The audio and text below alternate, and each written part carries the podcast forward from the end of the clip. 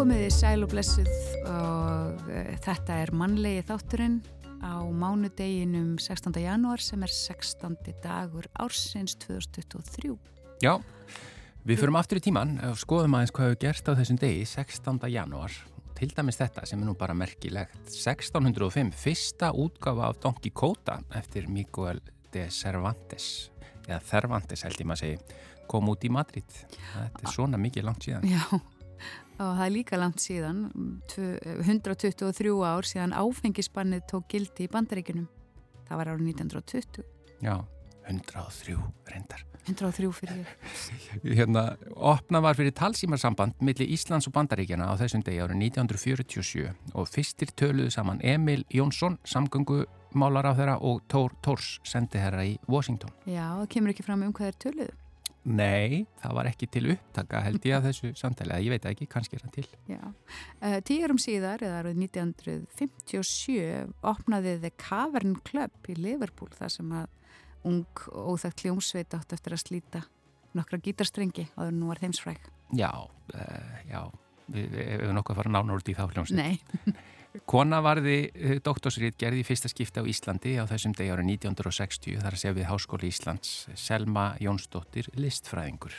Árið 1973 fyrsti stó, kom fyrsti stóri skuttógarinn sem spánverjar smíðuði fyrir Íslandinga til Reykjavíkur en það var Bjarni Benediktsson RE 210.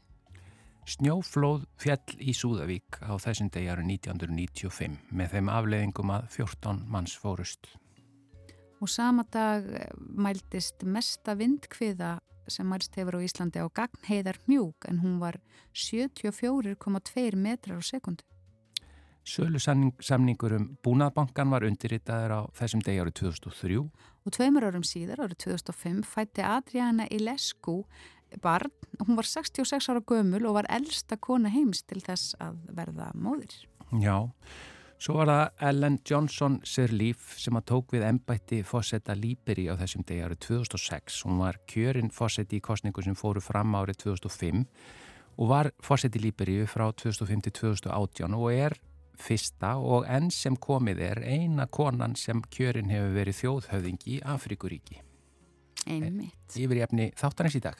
Já, uh, við byrjum á því að fá hana Berglindi Blöndal, klíniska næringafræðing til okkar en hún sér hafið sig í næringu, veljiðan og streyturlósun í tengslu með mat og kannski við ætlum að ræða þess við hana þessa áherslu á að vera alltaf að missa kíló og þessi, þessi árumóta heit sem að sumir hafa strengt um að, að, að grenna sig og hvað það getur haft í förmað sér. Já, og við ætlum að fá vingil frá Guðjánu Helga Ólasin í dag Vingildagsins fjallar endar um það að stundum er ekki nóg að hafa einn vingil, heldur getur þurft að hafa tvo eða jafnvel þrjá eða ég veit ekki, kannski bara fleiri. og svo er lesandi vikunar í, í þetta sinn, það er Rebecca Sif Stefansdóttir, söngkona, söngkennari og rítthöfundur og við fóum að vita hvaða bækur hún hefur verið að lesa undanfarið og hvaða bækur og höfundar hafa haft mest áhrif á hana í gegnum tíðina. Já, við byrjum þáttinn á tónlist eins og alltaf. Þetta er Múkisson og lægið Hagliel.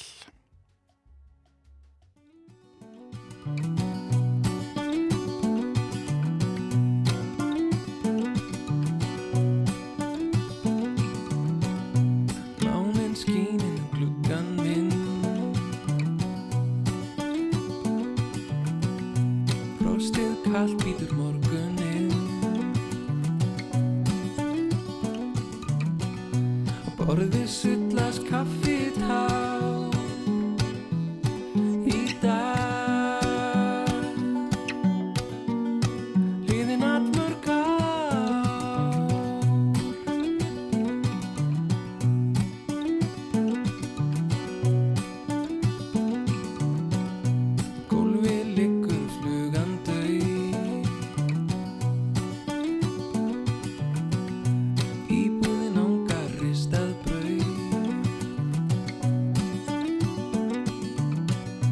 Ískapu kurrar eins og tíma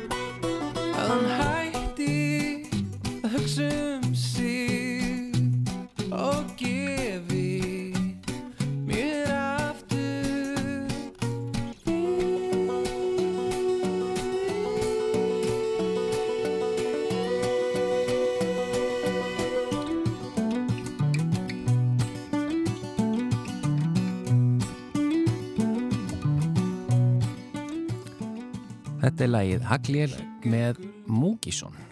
Mörg okkar strengja heitum áramótum og nú þurfa að taka til í mataræðinu og helst að einhver kíló þurfi að fjúka. En er þingdarstjórnun málið eða er kannski bara best að setja heilsuna í fyrsta sætið og henda viktinni út með jólatreinu? Hingaði komin Berglind Blöndal, klíniskur næringarfræðingur sem sérhæfi sig í næringu, velíðan og streyturlósun í tengslum við mat án þess að einblýna um of á kíló og hittaeiningar. Velkomin Berglind. Kæra þakkir. Og þessi nálgun er nú ekkert endilega allra, sérstaklega ekki í janúarmánuði. Þá er nú margir að hugsa bara ég þarf að ná að mér kílóum og áramóta heitið er að komast í kjól fyrir næstu jól og svo framviðis. Akkurat eins og við höfum öll tekið eftir. Mm -hmm. Þá er rosalega mikið verið að einblýna á kíló akkurat núna og bara svona holdafar og útlitt sem er svolítið alvarlegt að því að e, því fylgir oft svona rösku hegðunga hvert mat að fólk vilji þá taka mjög aukafullar föstur og einhverju svona savakúra og kannski sleppa einhverjum heilum matarflokkum eins og kolvetnum sem er mjög vinnselt þessa dagana. Og hérna þetta snýst alltaf um það að þá eru við að skerða sagt, möguleika okkar á að fá allt sem við þurfum úr fæðunni og þess vegna er nú ráðlegt að borða fjölbreytta fæðu til þess að við fáum sem besta og mestan möguleika á að fá alls að vítamin, steinefni, trefjar, kolvetni, proteinfítu sem við þurfum úr matnum. Og alla rannsóknir hafa sem sagt sínt það líka að þegar um leiðu þú skerðir fæðuintöku að þá sem sagt aukast líkunar á að þú þróum með þunglindi, kvíða, alls konar svona þætti sem er ekki góði fyrir andlega hilsu og svo líka bara e, virkar líka minn ekki næginlega vel ef að við fáum ekki allt sem við þurfum. Og það á líka við um orguintöku um leða við skerðum orguintöku þá fer e, líka minn svona varnar viðbrað reynir að haldi all, alla orgu sem hann fær e, fer í svona sparnaðaprógram þannig að hann bara keirir þá þætti sem eru mikilvægastir til þess að lifa af að anda og hjartaslái og allt það en þá kannski er ekki mikið lagt í að, að, að hérna, endur nýja serotonin byrðir og svona velíðunarhormón. Þannig að þetta spilar allt saman og, og svo líka bara alltaf þegar við förum á einhverju svona kúra þar sem er einhver, einhvers konar skerðingar þá e, aukum við alltaf líkunar á að þróa með okkur raska hegðunga hvert mat sem getur því miður endað í átrúskun sem er rosalega alvarlegur sjúkdómur sem við viljum helst ekki nálgast. Og margir þessu kúrar náttúrulega keira bara á svona hegðuna minstri sem að myndi uh, greina sem átrúskonar hegðun. Þannig að, já. Já, það er náttúrulega margir sem að upplifa það að þeir einhvern veginn fara í þetta áttak og jafnvel tekst að ná, hvað maður segja, ná því sem að kallast árangur í þessu já. samhengi, að ná af sér einhverjum kílóum. Mm -hmm. En það er nánast bara virðist mörgum ofbúslega erfitt að viðhalda þessum árangri. Já, sko rannsóknir alveg í svona síðastleginn 60 ár hafa syngt fram á það að í 98% tilfella þá þingjust við aftur. Svona þingdarstjórnun er mjög flóki ferli í undirstúka heilans og líka mig gerir allt til þess að bjarga okkur og hann er gerður fyrir okkur er hættan að verða fyrir svelti og líka með veit ekkert að það er að því að þú vilt líta eitthvað ákveðu út sem að þú ert að minga indökuð þína. Og hann reynir bara alltaf að koma manni upp í aftur þar sem við vorum. Og aðeins herra þannig við höfum svigrum næst þegar við lendum í svelti. Og þá byrja oft þessar ítrekuðu megrunar æfingar hjá okkur þar sem við léttumst, svo þingjumst við aftur, þingjumst aðeins meira, léttumst, þingjumst aftur og aðeins meira. Þetta heitir jójó og er mjög slæmt fyrir helsu okkar. Já og, og allar rannsóknir sem sagt íta undir þá skoðun mína, ekki bara skoðun heldur er þetta líka bara það sem hefur sérst í rannsóknum. Þetta er mjög slæmt helsu okkar mm -hmm. og um, svo hver skipti sem við þingjumst aftur þá býr semst undirstúkan til, ok, nú er þetta markmið okkar, við ætlum að halda henni hér. Svo fyrir við næstu megrun og svo aðeins hæra og þannig breytum við alltaf þessu set point, heitir þetta, í heilunum sem að bara... Er núlstillingu eða Já, sem er ekki rétt. Já, akkurat. En, en nú er mikil umræð um það að offitta og ofþyngd séu bara sjúkdómar. Það er mm -hmm. til að nýlega búið að skilgreina ofþyngd sem sjúkdóm Já. En ekki bara ástand og við, við erum með tölur, við vitum hvar við eigum að vera á einhverjum kvörðum, BMA kvörðum, BMI kvörðum og sér hvað fleira. Um, Hvað, hvað er það? Það er um einhverja líka rannsóknir bak við það eða hvað? Já, sko eh, AMA, sérst, eh, ameríska hérna, lækna samtökin, þau setta á fót svona vísinda, eh, vísinda hérna, félag sem átti að ákveða hvort það ætti að skilgreina áfættu sem sjúkdóm. Hún, þessi vísinda nefnd í raun og veri var þetta, fór í gegnum eh, öll vísindan á bakvið það að skilgreina áfættu sem sjúkdóm og eftir eitt ár þá komuð þeir sem saman á aðalfundi þessa læknafélags og þeir mæltu gegn því mm -hmm. að hérna, skilgreina áfittu sem e, sjúkdóm að því að það eru sjálfsögð ekki allir sem eru feitir sem eru eitthvað veikir og eina leiðin til þess að skilgreina væri að nota BMI sem er bara gallað fyrirbæri. Hvað er BMI? Það er semst líkamstingdar stuðull og það eru kílóin okkar delt með metrum okkar í öðru veldi. Þannig að þetta er mm. kílóin okkar per fermetur. Þannig að til dæmis... Segir ekki til um helbrið í raun og veru. Þetta er svona bara mæli eining sem er, var búin til 1832 og það var starffræðingur sem bjóð hann til og átti aldrei að nota á einstaklingsbasis eða semst á einstaklinga. Og svo tók 1900, 1972 þá tóku sem sagt... E, svona tryggingafélag í Ameríku þennan stöðul upp til þess að geta hækkað sagt, tryggingar fyrir þá sem voru í harri lægi í BMI. Og svo var sagt, BMI stöðlum færður og það var í lægi, ég er að gera gæsalappir að vera upp í 28 í BMI en svo fannst þeim auðveldar að reikna með tölunni 25 þannig að það er lækuða niður í 25 tryggingafélögin þannig að kringum, mm. ég manna kringum 2000 einhvern tíman. Færðu núlbúntin til? Yes, já. Mm. Og, og þá bara yfir nóttu urðu semst þeir sem voru 25-28 allt í hennu komnir í ofþing og þess að neitt Hvað? annað breytist. Þannig að þetta er bara ofbúslega brenglað öll þessu fræði.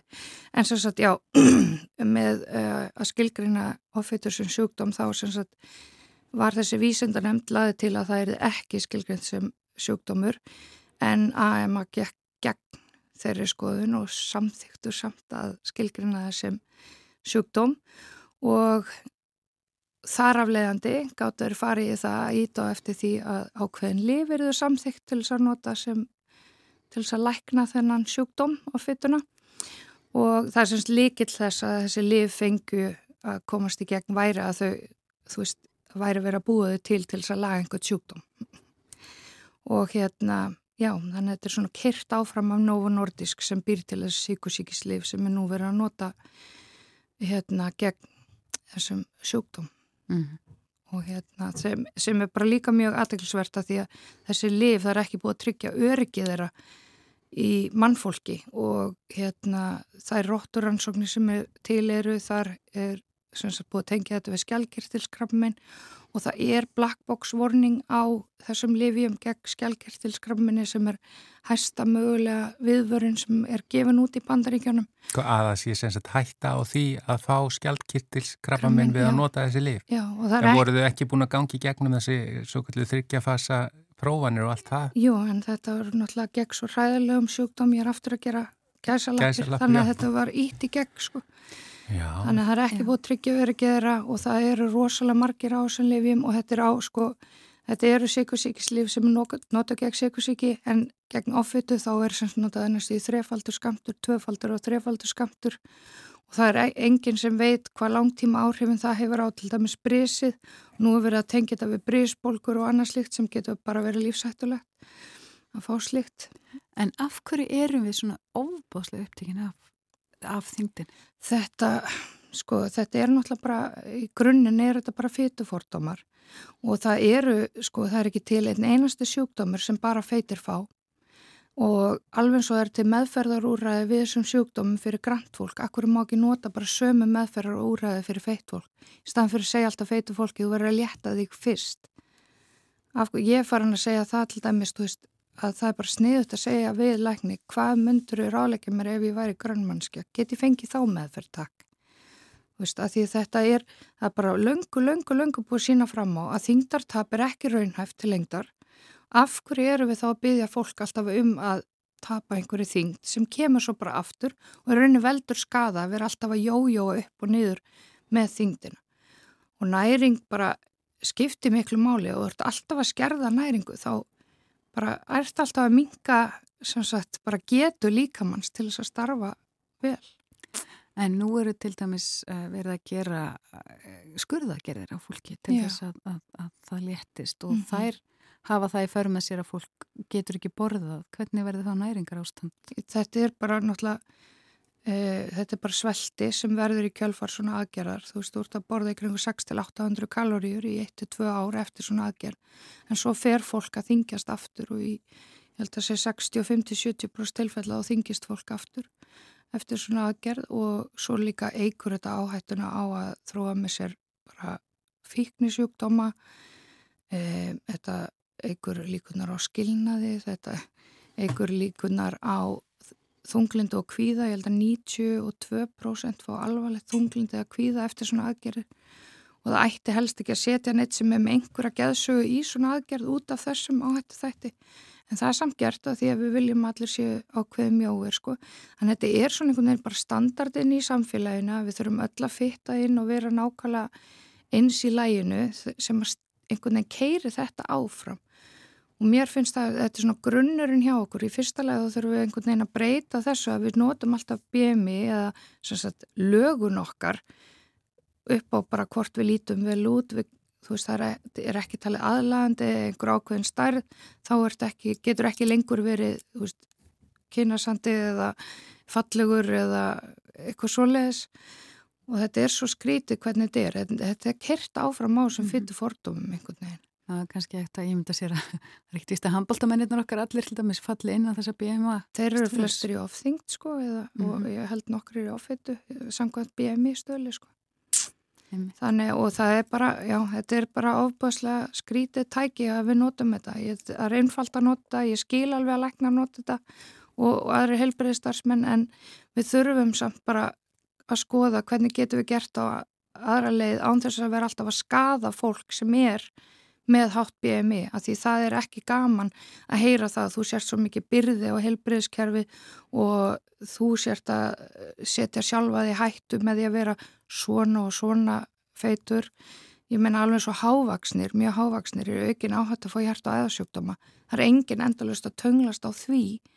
Ég menna þetta þetta er ekki eitthvað að vera hávaksin veldur ekki hjartáfalli og vera feitur veldur ekki hjartáfalli.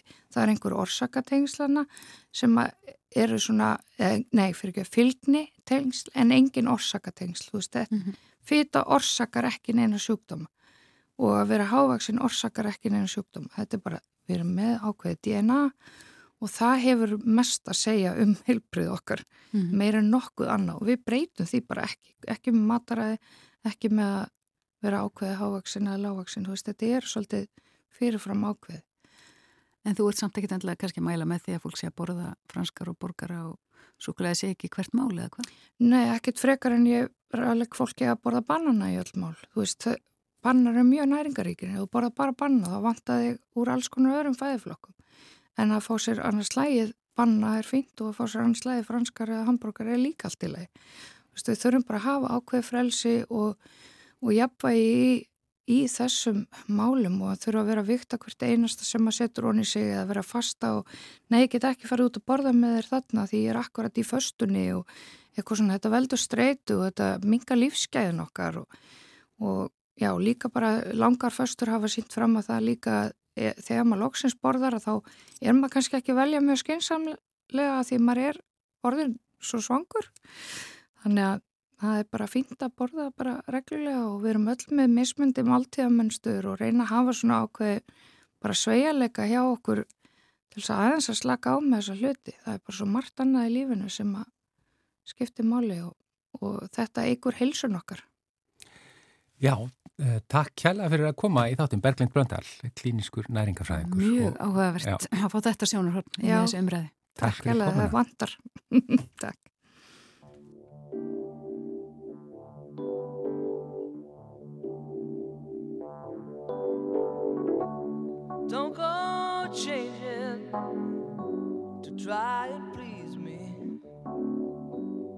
Never let me down before.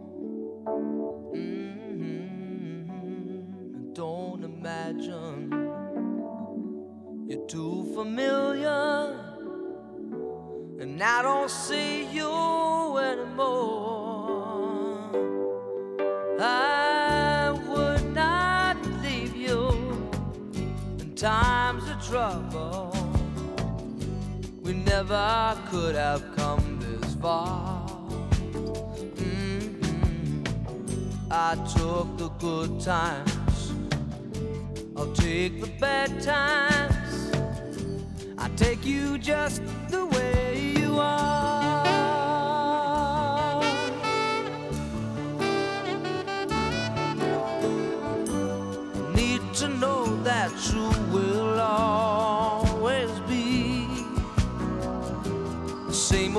Someone that I knew.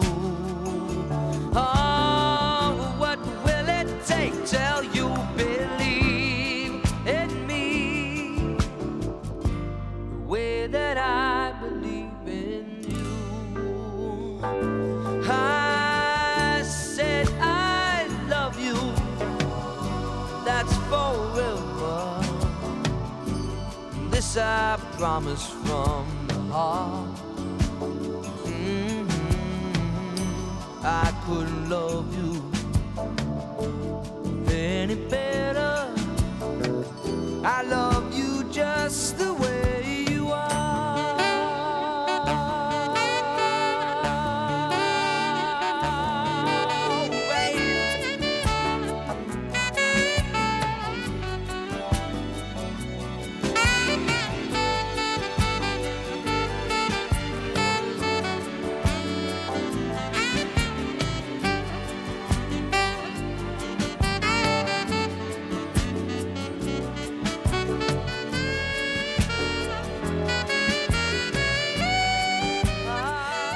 þarna heyrðum við Billy Joel syngja lagið Just the way you are eftir sjálfan sig, bæði lag og texti. Já, frábært lag, en nú er komið að nýjum vinkli. Jafnvel einum, tveimur, þremur vinklum frá Guðjóni Helga Ólafsinni. Ágætur hlustendur. Nú hefur jólatrið verið skrautsvift hérna og er aftur orðið stafafura eins og daginn sem ég skarða neður vitandi vits að það er ekki að neinu gagni nema til skrauts. Ég ásætt að segja að það er lítið erfitt með jólatrjá hefðina sem slíka. Finnst þetta hálfgerð sóun og ekki eru gerfi trén skári. Mér finnst illskást að nota tré sem hvortið er hefði þurft að gresja. En þið mig hafið þetta eins og þið viljið. Þetta er mín skoðun. Ég setti niður slatta af stafaföru í reit hér norðan við húsið með það fyrir augum að hafa sem jólatrið setna meir. En aðalega til að koma lífi í leiðinda grámósa flag og síðan eru þetta nokkur grenitré og skóarförur sem að endingu munu fá að taka yfir sviðið. Grenitrén verða kannski 600 ára gömul eins og frændur þeirra frá Sitka í Alaska, hvaðan erðaefni þeirra kemur og fá vonandi óhindrað að breyða úr sér og veita búpenningi framtíðar skjól þegar allt verður orðið að grillkólum og ösku í heiminum nema Íslandi og kannski Grænlandi. Ekki nema einhver nábleikur abakötturinn sargiðu niður til að smíða sér kofa úr eða, brenna í kaminunni sem ég vona að verði þá út úr neyð en ekki bara til að hafa inn í stofu í hálfan mánuð niðurlega með ljósalengjum, glitkúlum, glimmeri og öðru álíka gáulegu og henda svo í ruslið. Sumir drífa meiri segja ekki með trén í endurvinnslu heldur losa sér við þau á næstu gangstétt og muldra eitthvað á leiðinni heimi í ætt við Það lítur einhver að koma og taka þetta, nú borgar maður í skatta eða þá, já, ég er nú bara að styrkja íþróttafélagi hérna, þau fá vist peninga fyrir að týna saman jólatri og akkur er ég að nöldra og töða yfir jólatrjóm, maður sem hefur eitt drúum parti af sínum fullorins árum í að gróðu í að tre. Ætti þá ekki að vera pláss fyrir fleiri ef fólk er duglegt að nota jólatri? Eða er ég að segja tvær sögur í einu? Getur það verið? Við skulum skoða þann möguleika aðeins. Nú er ég búin að taka hér örlítið hreinskilniskast varandi þá hefða setja upp tré inn í stofu fyrir jólaháttíðina. Skreita það, halda jól, reyta af því skrautið, pakka í kassa, setja upp á háaloft og henda svo trénu. hef líst vanþóknun minni á hefðinni sem slíkri en á sama tíma skilmerkilega játað að taka þátt í henni á hverju einasta ári. Þetta er nú ekki yfirlýsingum mikla staðfestu af minni hálfu, ég er bara nöldrekka út í loftið og ætla ekki að gera neitt í málinu. Ég ætla ekki að hætta við að hafa jólatri, en það myndu afkomendur mínir aldrei fyrirgefa mér það. Jólahefðirnar eru þeim mikilvægar. Og auðvitað hef ég lúmst gaman af þessu, þó það nú væri. Þetta er önnur sagan. Hinn sagan er svo að ég lýsi hér staðháttum og framtíðarplönum auk þess sem ég þykist hafa insýnin í framtíðina. Já, já, þóttistur að vissum að heimurinn myndi hittna og brenna en Ísland er það áfram byggilegt. Gaf ég ekki líki skina heimurinn færi aðeins hraðar í niðurfalli vegna skrauts og pýrumpárs ná bleikra abakatta á meðan náttúran sjálf væri auðvitað svarið. Jó, sannilega gerði ég það. Og svona eru nú flestar sögur. Við getum lesið fleirin eina merkingu út úr þeim. Oft er einn aðalsöguþráður og annar falin á bakvið. Kanski er meiri digð hjá reytöfundum að kokka upp þannig sögur, heldur en að halda sig við einn þráð og viki aldrei af honum. Það getur bara vel verið. En er mögulega rugglandi og svo er ekki allir sammóla um hver hinn duldi undirsöguþráður er eða huldubóðskapur. Frægir sagan af unga íslensku nemanum sem átti að gera verkefni í ljóðagreiningu. Kennarinn setti börnunum fyrir að greina hefur unnverulega innihald nokkur að ljóða nema hvað einn nefandin bjóð svo vel að höfundur eins þeirra var foreldri hans, eða hennar, og gatt þannig frá fyrstu hendi sagt hver meiningin var með ljóðinu. Barni skilar verkefninu og taldi sig auðvitað að fá hæstu engun fyrir. Ganski með örlítin vott af sektarkendi verið að nýta sér hérna flítileið, en brá heldur en ekki brún þegar enguninnar bárust. Þá kom í ljós að kennarin vildi meina að intakið í ljóði foreldrisins var eitthvað allt annað en höfundurinn staðhafiði og gaf lága engun fyrir. Og móraldsjóðunar er líka tvíþættur í fyrsta lagi, ekki stýttaðir leið það á mögulega eftir að hefna sín og í annan stað að allt orkar tvímælist á saktir, tala nú ekki um skrifað. Það er ekki ómögulegt að útskýringar kennarans hafi aldeilis gengið upp og verið í fullkomnu lagi Kanski var þarna vingill á ljóðið sem höfundurinn hafði ekki átt að segja á að væri þar. Kanski er þetta bara legasá, gerðist alls ekki, það gerir ekki til, hún er góð samt. Í þjóðsögum Ólafs Davíðssonar er á blaðsíðu 52 í fyrsta byndi sagan af Kvandala Bjarnar. Stutt og lipur saga, en tveir möguleikar eru oft fyrir hendi varandi heimildir, þó að intakið sé alltaf það sama. Eða hvað? Ég lesi þetta snöggast fyrir okkur og við sjáum hvað setur. Tilvittnun hefst. Kvandala Bjarni. Eftir gráskinnu Gísla Konradssonar samanber þjóðsögur Jóns Árnasonar 2, blaðsíður 125 til 127. Í þjóðsögum Jóns Árnasonar er getið um ferð Kvandala bræðra, Jóns, Einars og Bjarna til Kolbensegjar, nálagt 1580, fyrir Guðbrand Biskup Þorláksson að hólum. Bjarni var elstur þeirra bræðra og mikilhæfastur. Hann var sjómaður hinn mesti og taldi sér ekkert vera ófært. Bjarni var nefndur Hákarla Bjarni. Hann bjó setna að bakka í viðvíkursveit en aðrir segja að bæ á höfðaströnd. Sumir segja að kona Bjarnar hafi heitið Þórun Ólafsdóttir og hvati hún hann jafnan til sjóferða hvernig sem veður var. Eitt sinn hvati Þórun Bjarnar mjög til róðurs er veður var vond, en hann hljóp reyður til sjávar við annan mann og hratt fram sexæringi. Áður en hann fóra heimann sagði hann að kona sín myndi yðrast eggjana sinna og rættist það því að Bjarni fórst í þessum róðri árið 1617. Sumir sagður reyndar að hann myndi hafa haldið til kolbeinsegjar því hann hafi haft með sér eldfæri og ketil og var það fært til sanninda að menn á útlendri döggu sæju mann í Kolbeinsei litlu síðar. Aðrir hugðu að Bjarni myndi dvelja þar með huldufólki. Enn ætluðu sumir að Bjarni myndi hafa komist í enska döggu. Nokkuru eftir að Bjarni kvarf lágu enskar döggur undir Votabergi í Sléttulíð. Þóttust þá þrýr eða fjórir Íslendingar þekkja Bjarni á einni döggunni því að hann var auðkendur fyrir vakstarsakir. Frá þórunni, ekki bjarna, segja sumir að hún hafi sprungið af harmi, en aðrir að hún hafi gifst aftur og búið að sleitubjarnarstöðum. Tilvitnun líkur. Hér er fullt af möguleikum.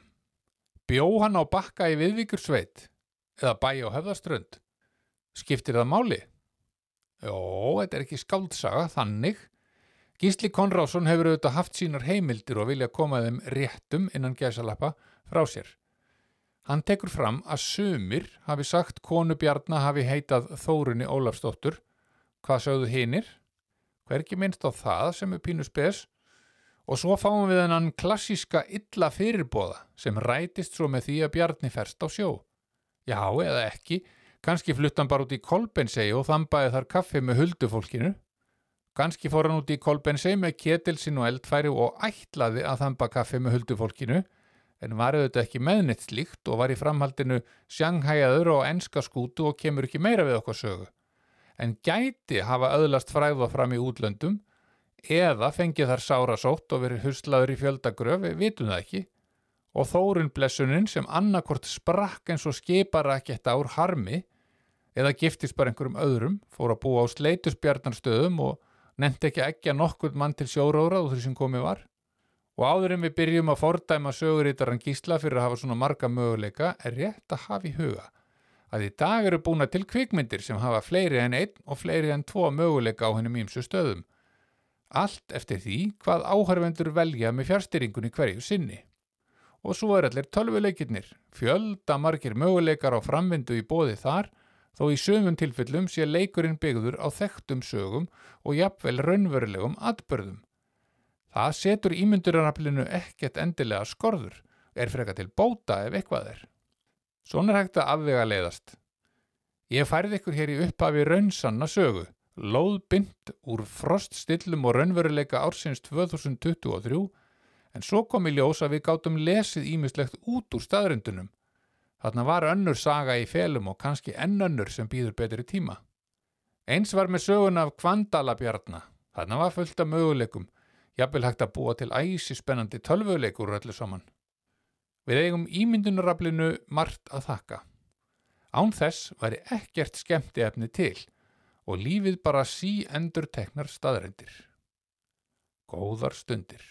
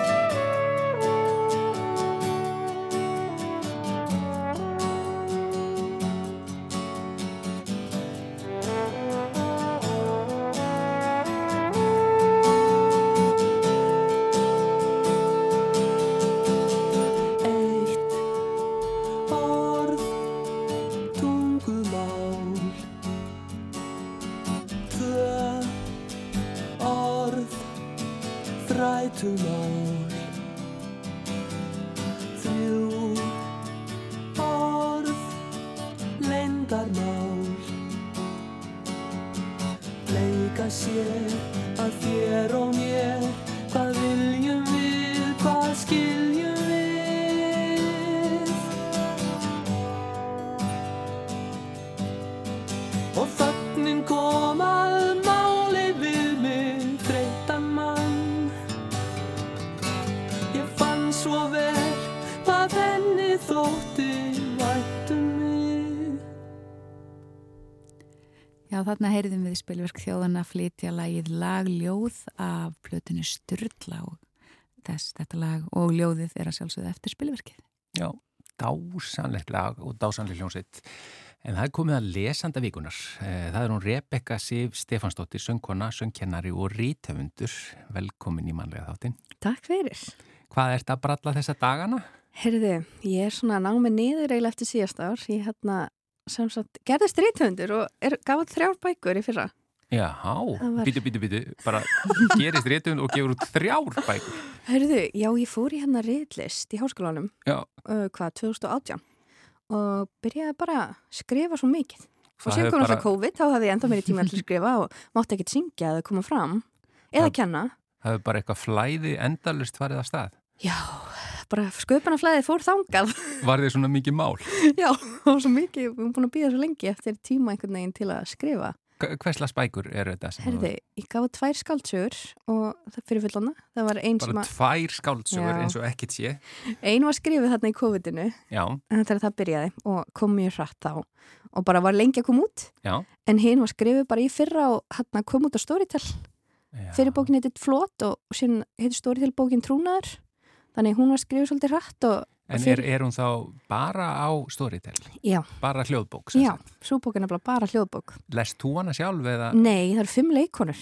Já, Ég hef bara ekkert að minna en fl- flottar leikonur sem lesa. æðist. En, en þriðja bókin? Það er barnabók sem kom út rétt fyrir jól og heitir Glingló. Ég skal segja þetta, þannig að þetta var mikið ár. Já.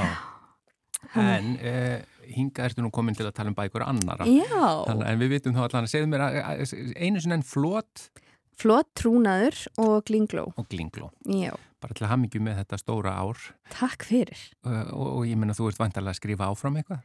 Já, ég er svona ennþá í pásunum minni en ég þarf að að koma mér á stað aftur. Hva, hversu margar bækur verður þetta á? Ég vil ekki segja neitt um það. nei, nei, ég ætla ekki að setja neina pressu á það heldur. Nei.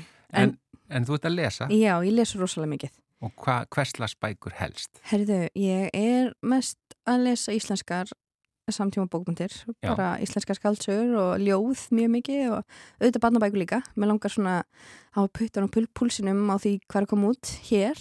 Já, er, er- ertu að semja eitthvað ljóð líka sjálf eða Já, ég hef gefið þetta eina ljóðbók, það var fyrsta bóki mín, einmitt? 2020, sem myndi Jarðvegur.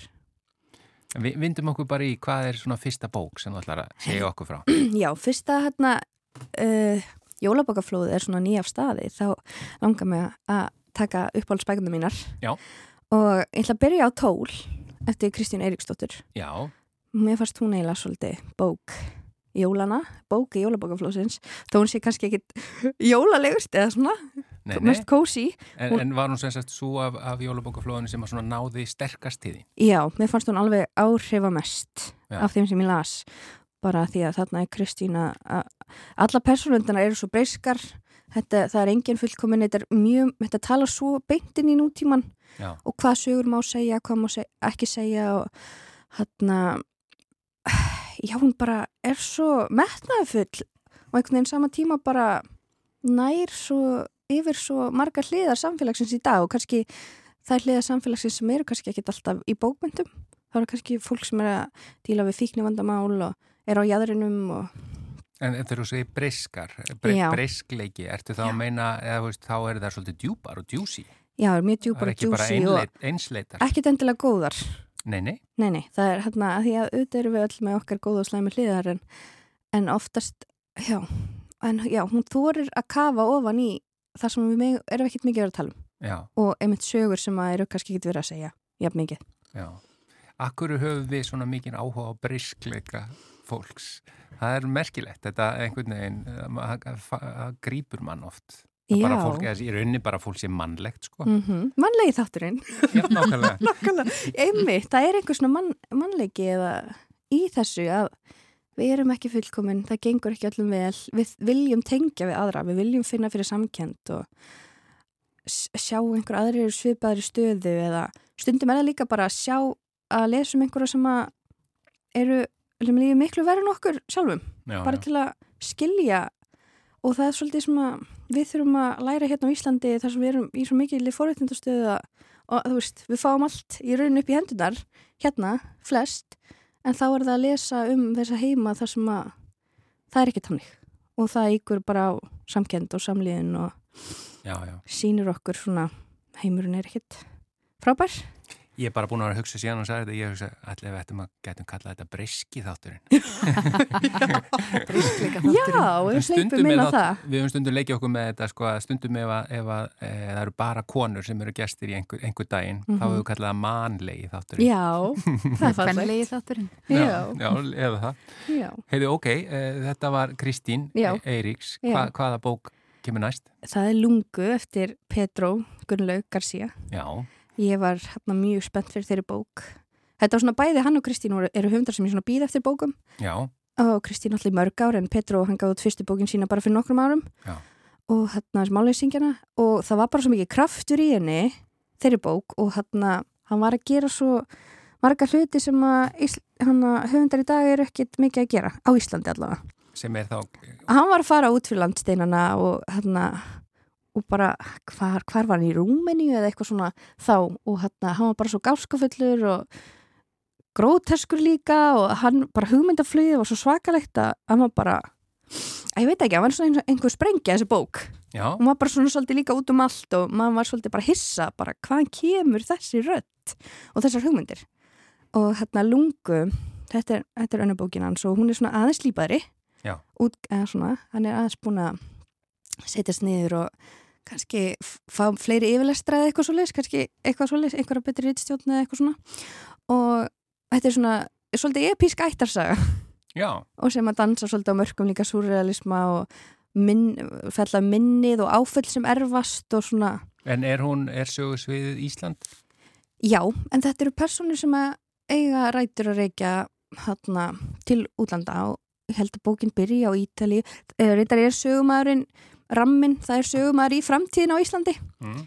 en hún á sem sagt ættir að reykja alveg Ítalíu, Kanada hvað hva var það, hvort það var Vi- Vietnam líka, þannig að það eru alls konar sögum blanda þarna sögum margar þjóða og já, löng, svona ættarsaga En það er nú ánægilegt fyrst að þetta er akkurat höfundarnir sem þú varst með e, segja, eftirvæntinga fylst fyrir Mhm. að þeir skildi ekki hérna valdaði vonbrið. Nei, ég var mjög ánað með báðar þessar bækur Og báða tilendar til Já, íslensku bókmæntaveluna nákvæmlega, ég var náttúrulega mjög gleð með það Já, þannig að e, e, viltu segja einhvað meira um hana, þessa bók? bara ég mæli með allir lesi og kynnist þessum nýja höfundi Séð einu sinni nafnið á bókinni? Lungu, Lungu. Já. Hvaða, hvað svo? Hvað önnur? herðu uh, kannski bara svo ég nefni eitthvað sem er líka svona nýtt og kannski ekki, fólk hefur ekki mikið heyrt um, það er bók sem heitir Snuð eftir Brynjólf Þorstinsson Mm hún hann að, þetta er skáltsaga, fyrsta skáltsagan hans en hann hefur gefið ljóðbækur tvær áður og inn í ljóðstafinn. En snuði fyrsta skáltsagan og hún er svolítið tilrunakend og komísk og skemmtileg. Já, og emitt, þetta er svona svolítið nýrött það eru hérna í rauninni þrjár sögupersonur það er hann að fjölskyldufæðir sem að þetta er svona svolítið framtíðarlegt. Það er svolítið verið að tala um gerfigreind og eða svona sítenginguna og sem er nú eiginlega bara nútímaleg. já, algjörlega nútímalegt en þetta Já. er kannski bara svona, kannski eftir bara fimm ár, eitthvað svo leis En hvað er hérna þessi títill, minnst hann svo áhugaður? Snuðið, já. Er, er, er þetta skemmt eitthvað eða útskýrir akkur hann er? það kemur rosalega fljótt fram að, að þarna aðalpersonan er með svona einhverja þráhyggi fyrir snuðum og hann er að fara að byrja á nýju stórfyrirtæki einmitt að vinna við gerfigreind Já. og hann gleymir snuðinu sínu heima Já, hann sem sagt notar snuð. Og síðan er saga konunar hans sem er verið að yfirheyra af lauruglunni Já. hún kemur svona inn á milli og maður skilur ekkert hvað hún hafi, hefur gert. Og síðan er líka sonur hans í þessar bók og hann er alveg uppáhaldspersona mín að því að þar er Brynjálfur að einmitt einhvern veginn að nota tungumáli sem að úlingar eru mögulega að fara að nota eftir nokkur ár sem er bara rosa ennsku skotið já, bara ekki í dag, heldur bara eftir nokkur ár. Já, kannski er það bara í dag sumir kannski tala svona í dag bara. Ég, ég ætla bara að sko benda þær á að úlingar á heimilinu hjá mér, stundum þar ég að segja setningu á ennsku, svo Já. þau skilji bara hvað Ég veit. þetta er, þetta er nefnilega svolítið hröð þrón, sko. Þetta er hröðþróun Já. Þannig mögulega er þetta bara nútíma úlingur svo erum að sjá þarna í svo bók en þetta er stórfyndið frábær persóna. Já, Hann er með þrá ekki fyrir tönnum og er held ég á skólalóðinu að stela tönnum frá litlu krökkunum sem hafa farið til tannálsins. já, ég vonandi ekki beint úr mununum heldur. hann er ekki Nei, með ég töng. held nú ekki, ég held nú, nei, nei, ég held að hann gangi ekki svo langt. Nei, En já, þetta er bara svona svolítið tilhörnakend og skemmtilega öðruvísi bók. Bókin Snuð. Já, Já, og þessar allar, þú mælir með öllum þessum sem þú hefur verið að lesa bara klárlega Lungu snuð og tól. já, Ætlar þú hérna að segja eina enn stutt eða viltu eiga að fara aftur í tíman? ég fyrir aftur í tíman og ekki bara, ég elska að tala um bækur Já, hérna, ég se- nefna eina bóki í viðbót, er það ekki? jú, jú, Má ég, með langar að nefna Svefngrímuna eftir Örvar Smárusson já, það er smásagnarsafn. Já, og hann Örvar, hann hefur gefið út bækur áður en það er alveg komin 10-15 ár síðan. Já, örvar tónlistamæður Já, hann er eitthvað tónlistamæður að Úr fólk- Múm og FM Belfast. Já, Já, og hvernig leist þér á? hann ég kannast svolítið við Örvar og hafði lesið einhver sögur eftir hann, hann hefur unnið einhverja svona smásagnarsagna keppnir og svo leis og þessi bók er frábær þetta er svona svolítið surrealískar smásögur það er Mhm. allar rosalega grípandi og fjölbreyttar Mhm. og einmitt fá mann, mér finnst svo gaman að lesa eitthvað og hugsa hvaðan kemur þessi hugmynd hvernig dettur þér þetta í hug Er, hvað, er þetta eitthvað svona, einhver vísindaskálskapur eða? það, ég veit ekki alveg hvað, skal kalla þetta. Þetta, kannski sumar mætti það, þetta er svona í rauninni hann svona bara er með raunveruleikan en hann er svona smá, smá á skjön. Já, Það er bara eitthvað svona- aðeins skrítið en þetta ásand að vera bara norm Já, skilur en hann, já það er eitthvað svona aðeins fyrðilegt eitthvað aðeins á jaðrinum eða á skjön og já, þetta er smásagna, segið aftur nafnið á svefngríman Sveggríma Mhm. uh, eftir Örvar Smárásson. En Mhm. ef við förum núna aftur í tíma, Já. bara þú mátt fara eins langt aftur og vilt, hvaða svona bækur uh, og eða höfundar hafa svona virkilega haft sterkust áhrif á þig? Uh, ef ég fyrir alveg lengst aftur í tíman þá ég var alltaf að lesa jú það voru aðalega æfintýrabækunar og hérna all, alls konar æfintýrabækur og það voru bækur sem heita hérna úr bál, Bálki Rakfalla eftir Lemony Snicket Já, eða A Series of Unfortunate Events einmitt. Þær bækur bæði kveikt á mér sem lesanda og bara sem reythönd ég hugsaði bara þetta er frábært. Mér langar að skrifa svona. Hvernig get ég skrifa svona grípandi texta og einhvern veginn bæ, bækunar hans hann virka bæði fyrir börn og fullorðna finnst mér að því að það er svo mikið að húmor Sko, það var, það var gerð kvikmynd og svo hefur verið gerðið sjómastækir. já, En ég þekkit ekki alveg nógu vel. Hva, hvað er málið með þessar sögur? Er, er þetta ekki eitthvað svolítið dögt? jú, þetta er nefnilega svolítið dögt þegar ég tók þar fyrst upp, þá stendur aftan hann legðu frá þér þessa bók, þetta eru Mhm. hræðileg saga um þrjá munaleysingja og ekkert gott gerist Sem er mjög góð leið til að fá mann til þess að lesa. En ég var það lítil þegar ég tók þar upp fyrst og ég bara ok, burt. þú hlýttir. Já, en síðan náttúrulega braut ég það og, og las þær allar. Mm. En já, þetta er sem sagt bara, þetta er svolítið um kaltæðni heimsins Já, og hérna svona kaltæðni lífsins að það er í raunin enginn sem að hjálpa þessu börnum, þau hjálpa sér bara sjálf, fullotnir eru alltaf einhverjir svikarappar já. og hérna, já, þetta er mikil samfélagsátilega í þessu líka og það er, maður lærði mikið af þessum bókum líka, það er margt útskýrt og svona Trista aldrei fullorðnum. Já, treysta aldrei fullandum Já. En já, það er Já. alltaf gaman þegar börnin fá að vera hetjurnar og Hva, hvað er þetta margar sögur eða margar bækur? 13 bækur Og lastu þær allar? Ég las þær allar og síðan síðasta bókin, 13. bókin kom út á amalsteinu mínum Já. á fösteinum 13. oktober örgulega 2000 og eitthvað En hvað er Lemony Snicket? Já. Er það sem sagt höfundurinn, er það rétta nafn? Nei, það er höfundanafn Já. Hann að höfundan heitir Daniel Handler Nú, það er ekki Lindó, hann, Nei, nei, hann uh, Já, já, já. Ekkert Elena Ferranti mitt. nei, nei heitir ekki Elena Farandi Hann, hann er verið þekktur Takka þér kærlega fyrir Rebecca Sif Stefansdóttir, söngkona, söngkennar og rítvöndur Yes. til ham ekki með allar bækurnar á síðasta ári Takk fyrir. og, hérna, og bara takk fyrir að vera lesandi vikunar í þetta sinn Já. Bara þættinu með lokið Já, þetta er með lókið. Takk fyrir okkur í dag.